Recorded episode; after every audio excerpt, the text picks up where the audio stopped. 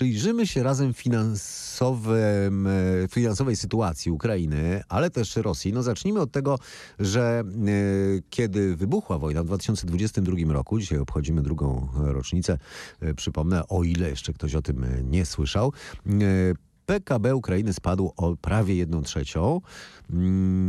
No i tak przed wojną już wielkość gospodarki ukraińskiej, e, przynajmniej nominalnie przeliczona na e, twarde waluty, była taka jak Węgier, znacznie mniejszego kraju.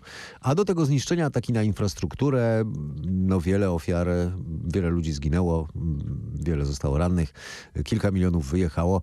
A tu gospodarka Ukrainy w zeszłym roku e, urosła i w tym roku też rośnie. Jak to możliwe? Ale to jest z bardzo prostego powodu. To znaczy, jeżeli odnosimy się do tych bardzo niskich poziomów PKB z zeszłego roku, kiedy w zasadzie cała aktywność gospodarcza była wstrzymana, w dużej mierze właśnie zamrożona ze względu na działania wojenne, a dzisiaj widzimy pewną normalizację, no siłą rzeczy to PKB będzie wyższe niż w zeszłym roku, ale cały czas około 20% niższe niż przed wybuchem wojny. No tak, tak więc... czyli teraz ten efekt bazy tak zwany mhm, działa, Tak, prawda? w dużej mierze tak. Jeżeli tutaj odniesiemy się właśnie do tych liczb, no to to siłą rzeczy oznacza tyle, że ta gospodarka ukraińska będzie mniejsza niż przed wojną i te zdolności Ukrainy tutaj no, pozostają tak naprawdę słabe. Jeżeli na przykład odwołamy się do porównania do Polski, no to ta ukraińska gospodarka będzie około trzy razy mniejsza na przykład od polskiej. Tak więc to i tak są dramatyczne różnice. No tak, no Polska jest zaliczana już właściwie do krajów rozwiniętych teraz, a Ukraina do krajów średnio rozwiniętych. Z tego co wiem, o ile się nie mylę, jest to inna półka, że tak to ujmę, to znaczy była już przed wojną, no bo o to tutaj nam chodzi. Według Instytutu Gospodarki Światowej w Kilonii, który prowadzi cały czas rejestr pomocy dla Ukrainy, taki tracker, Pomoc wojskowa ta przekazana, ale też dopiero zadeklarowana dla Ukrainy, to jest jakieś 110 miliardów e, dolarów, prawie połowa ze Stanów, a finansowa pomoc to 130 miliardów dolarów, a więc więcej, ogromne pieniądze. Czy bez tej pomocy państwo ukraińskie mogłoby w ogóle funkcjonować, albo inaczej, jak długo by mogło? W zasadzie, tak mówiąc zupełnie wprost, to chyba po prostu nie mogłoby. Jeżeli tutaj mówimy właśnie o działalności Ukrainy, ukraińskiego państwa obecnie, to zarówno jeżeli chodzi o wydatki militarne i w ogóle samo prowadzenie wojny i dorzucanie właśnie tych zasobów militarnych dla ukraińskiej armii, ale także finansowanie ukraińskiego budżetu, czy też wspieranie jakiejkolwiek odbudowy, przynajmniej części tej ukraińskiej gospodarki, którą można przynajmniej po części odbudowywać, no to to tak naprawdę w dużej mierze wisi na zachodniej kropluse finansowej i my tutaj Ukrainę po prostu bardzo silnie dofinansowujemy.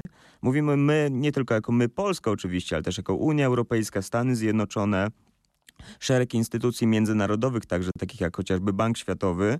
I tutaj to wsparcie dla Ukrainy jest po prostu nieocenione, dlatego żeby ukraińskie państwo mogło po prostu dalej funkcjonować. A proszę powiedzieć, jak to w proporcjach wygląda, o ile ma pan to w głowie takie dane, albo przynajmniej w przybliżeniu. Y, budżet y, Ukrainy w jakim stopniu jest finansowany z normalnych dochodów państwowych, z podatków, innych wpływów?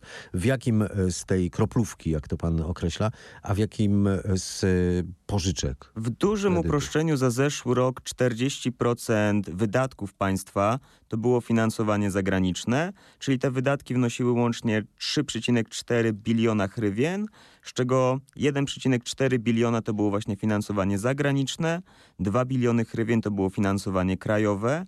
No i ta perspektywa tego budżetu na ten rok rysuje się w zasadzie bardzo podobnie. No tutaj zastrzeżeniem oczywiście, że prognozy są ekstremalnie wrażliwe na to, co się będzie działo z tym konfliktem zbrojnym. Natomiast co do zasady jest tak, że ta gospodarka lekko odbije, ale te proporcje się po prostu nie zmienią jakoś drastycznie. Znaczy Ukraina cały czas będzie bardzo silnie zależna od tego wsparcia zagranicznego. I tutaj jeszcze jedna rzecz, którą możemy wspomnieć, jeżeli mówimy właśnie o tym wsparciu. My tak naprawdę możemy podzielić się na trzy grupy, czyli z jednej strony militarne, tutaj tak naprawdę gros tego wsparcia wzięły na siebie Stany Zjednoczone, finansowanie budżetowe właśnie, właśnie tych wydatków państwowych Ukrainy. Tutaj proporcje rozdzielają się już trochę porówni pomiędzy Stanami Zjednoczonymi a Europą z lekką przewagą Europy. I trzecia rzecz, trzecia kategoria to jest takie wsparcie już humanitarne i tutaj w Europie zdecydowanie przodowaliśmy w tej kategorii. Tak więc w zależności od tego, o czym dokładnie mówimy, no to mieliśmy trochę innych liderów w tym wspieraniu mhm. Ukrainy. A Proszę powiedzieć jeszcze tak, e, żeby zamknąć ten temat, jak chodzi o tę pomoc, e, to właśnie to, co nazywamy pomocą, to, to jest w 100% e, pomoc bezzwrotna, czy czy to są też jakieś pożyczki? Część wiem, tego to są pożyczki, one częściowo są na przykład gwarantowane przez e, europejski budżet, albo też przez Europejski Bank Inwestycji i Rozwoju, tak więc po części tutaj mamy też pożyczki gwarantowane, które być może będą w przyszłości spłacane ale też są zabezpieczone, te źródła finansowania tych pożyczek są zabezpieczone na przykład w europejskich budżetach. I tutaj po prostu, znaczy, te, też jest trochę tak, że jeżeli planujemy te, takie programy wsparcia, w zależności od tego, o jakim terminie płatności mówimy, czasami pojawiają się takie pożyczki, które właśnie są gwarantowane i być może będą spłacane w przyszłości. Duża część z tego są oczywiście granty, które są bezzwrotne. A tak zwyczajnie na rynku Ukraina też się zadłuża? Są chętni na to, żeby kupować obligacje ukraińskie? Ukraina emituje obligacje, po części emituje na przykład obligacje wojenne dla swoich własnych obywateli, po części szuka finansowania zagranicznego, tak więc te emisje są. Natomiast tutaj też musimy pamiętać o tym, że to, to jest trochę inny rodzaj emitowania obligacji, w tym sensie, że ryzyko na przykład braku spłaty takich obligacji, czy też oprocentowanie, to są zupełnie inne warunki niż te, których na przykład doświadczamy my jako Polska. Mhm. Gorsze w domyśle. E, a proszę powiedzieć jeszcze, jak, jak się zwiększyło zadłużenie Ukrainy? E, tutaj nie mam dokładnych wojny. danych razem z sobą, e, wziętych razem ze mną. Mhm. Natomiast co do zasady jest tak, że tutaj problem tego finansowania dłużnego zdecydowanie jest takim wyzwaniem, które też zostanie na dłużej. To znaczy musimy pamiętać o dużym wyzwaniu, które jest w przyszłości przed no Ukrainą, właśnie, czyli mhm. odbudową, Setki która będzie... miliardów dolarów. Tak, tak gdzie sama, samo tak naprawdę koszty, no właśnie, naprawy tych strat będą setki miliardów i tutaj no właśnie to wsparcie zagraniczne w zakresie odbudowy będzie nieocenione, ale z drugiej strony musimy też pamiętać, że na przykład nasze firmy, przedsiębiorstwa też będą na tym korzystać, tak więc to nie jest tylko tak, że my te pieniądze wydajemy, my też prawdopodobnie będziemy z tego czerpać korzyści. Przyjrzyjmy się teraz, e, na razie zostawmy to, co będzie po wojnie, a przy, przyjrzyjmy się teraz sytuacji finansowej e, Rosji. Ja sobie trochę o tym e, poczytałem. Prawie 50 miliardów dolarów Rosja zużyła ze swojego funduszu dobrobytu. To miało być na piękną przyszłość. No, okazuje się, że jest na bardzo brzydką teraźniejszość. Do tego też Kreml państwo zadłuża. No, do niedawna Rosja miała wyjątkowo niski poziom zadłużenia w stosunku do PKB, mniej niż 20%. W Polsce to mamy no, ponad 50% w Stanach już prawie 90%.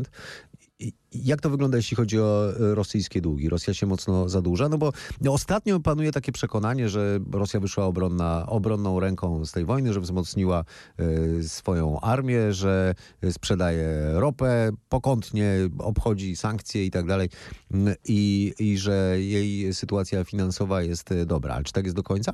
Jak długo Rosja mogłaby wytrzymać taką wojnę? Prawda leży gdzieś pomiędzy. To znaczy, jeżeli mówimy o gospodarce wojennej Rosji, o tym, że ten kraj jak najbardziej funkcjonuje, jest w stanie właśnie zapewniać przemysł wojenny, to tak, to jest prawda. I tutaj to nie jest tak, że to się zmieni w perspektywie roku, dwóch, pięciu, dziesięciu.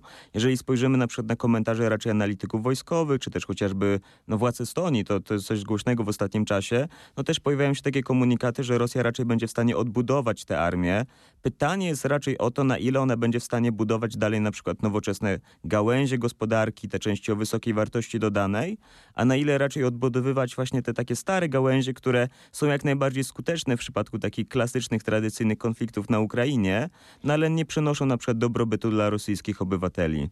Mhm, czyli y, no, można by uznać na tej podstawie, że ta wojna jednak spycha e, Rosję y, trochę w stronę takiego archaicznego y, modelu państwa zmilitaryzowanego, ale nie zmilitaryzowanego w najnowocześniejszy możliwy sposób, tylko właśnie troszkę tak, troszkę muzealnie, chociaż Rosja przecież też chwali się e, rodzajami broni, które mają jakoby nie mieć swoich odpowiedników e, gdzie indziej. Ale zostawmy to na razie. Jeszcze jeden temat chciałem e, w tej rozmowie z panem poruszyć. Mówi się coraz głośniej o tym, żeby odebrać, skonfiskować rosyjski majątek, rosyjskie aktywa na Zachodzie. O co tu dokładnie chodzi? Co miałoby być zajęte? Mm, taką, taką główną rzeczą, o której trwa tak naprawdę dyskusja od roku, są środki rezerwy rosyjskiego banku centralnego, które zostały zamrożone, skonfiskowane przez głównie europejskich i amerykańskich partnerów już przeszło rok temu. I chodzi o kwotę około 320 miliardów dolarów rosyjskich aktywów, e, czyli po prostu takich rezerw finansowych, które rosyjski bank centralny trzymał przede wszystkim w Europie. I tutaj do tej pory no, nie ma takiego pełnego konsensusu politycznego.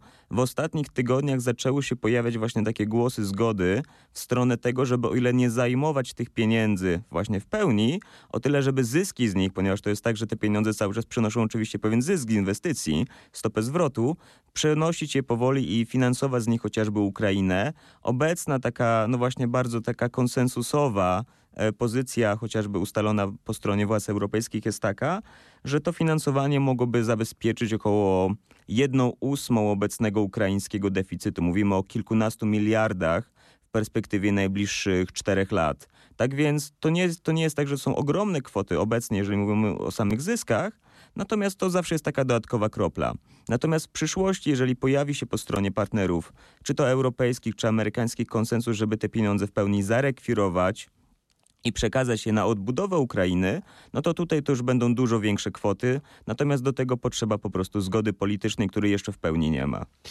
Czyli o ile dobrze rozumiem, upewnię się, nie chodzi o to, żeby zabierać ten majątek rosyjski, tylko żeby wykorzystać e, dochody z niego płynące przynajmniej przez jakiś czas, dopóki no, na przykład nie dojdzie e, do jakiegoś e, kompromisu pomiędzy Rosją a Ukrainą i szerzej pomiędzy Zachodem a Ukrainą. Obecny A konsensus jest właśnie na wykorzystanie dochodów, natomiast jeżeli pojawi się konsensus polityczny w przyszłości na zarekwirowanie środków, które obecnie są zamrożone, no to droga do przekazania ich Ukrainie będzie wolna, ale obecnie tego konsensusu nie ma.